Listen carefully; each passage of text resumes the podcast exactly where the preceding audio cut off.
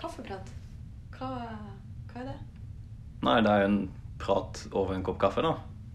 Det er liksom Ja. Hvorfor, hvorfor er vi det? Nei, vi er jo eh, konsulenter, og vi sitter som regel ute hos kunde. Og ved jevne mellomrom eller ujevne mellomrom så er vi innom kontoret vårt, skuret. Og da møter man tilfeldige folk ved kaffemaskinen.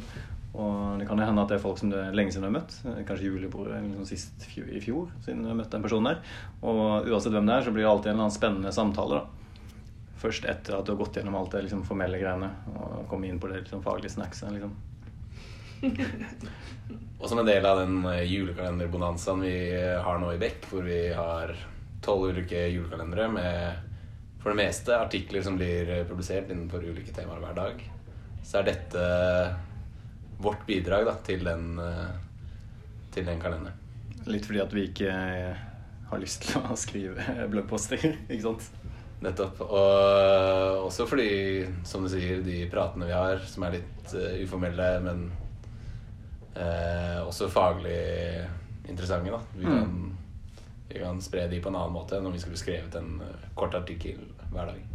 Og hele poenget her er jo at uh, de samtalene man uansett har ved kaffemaskinen, så tar vi liksom bare de samtalene, flytter det inn til et rom i nærheten av kaffemaskinen, og så setter vi på record på mobilen.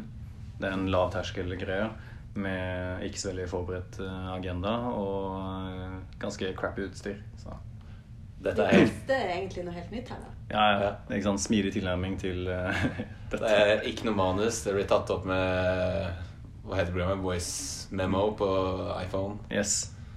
Og ja. Det Smidig. blir forberedelser. Smidig tilnærming. Altså med andre ord, vi tar det på sparket. Høres ut som en eh, vinnende oppskrift. Ja, ja. Tut og kjør. Yes.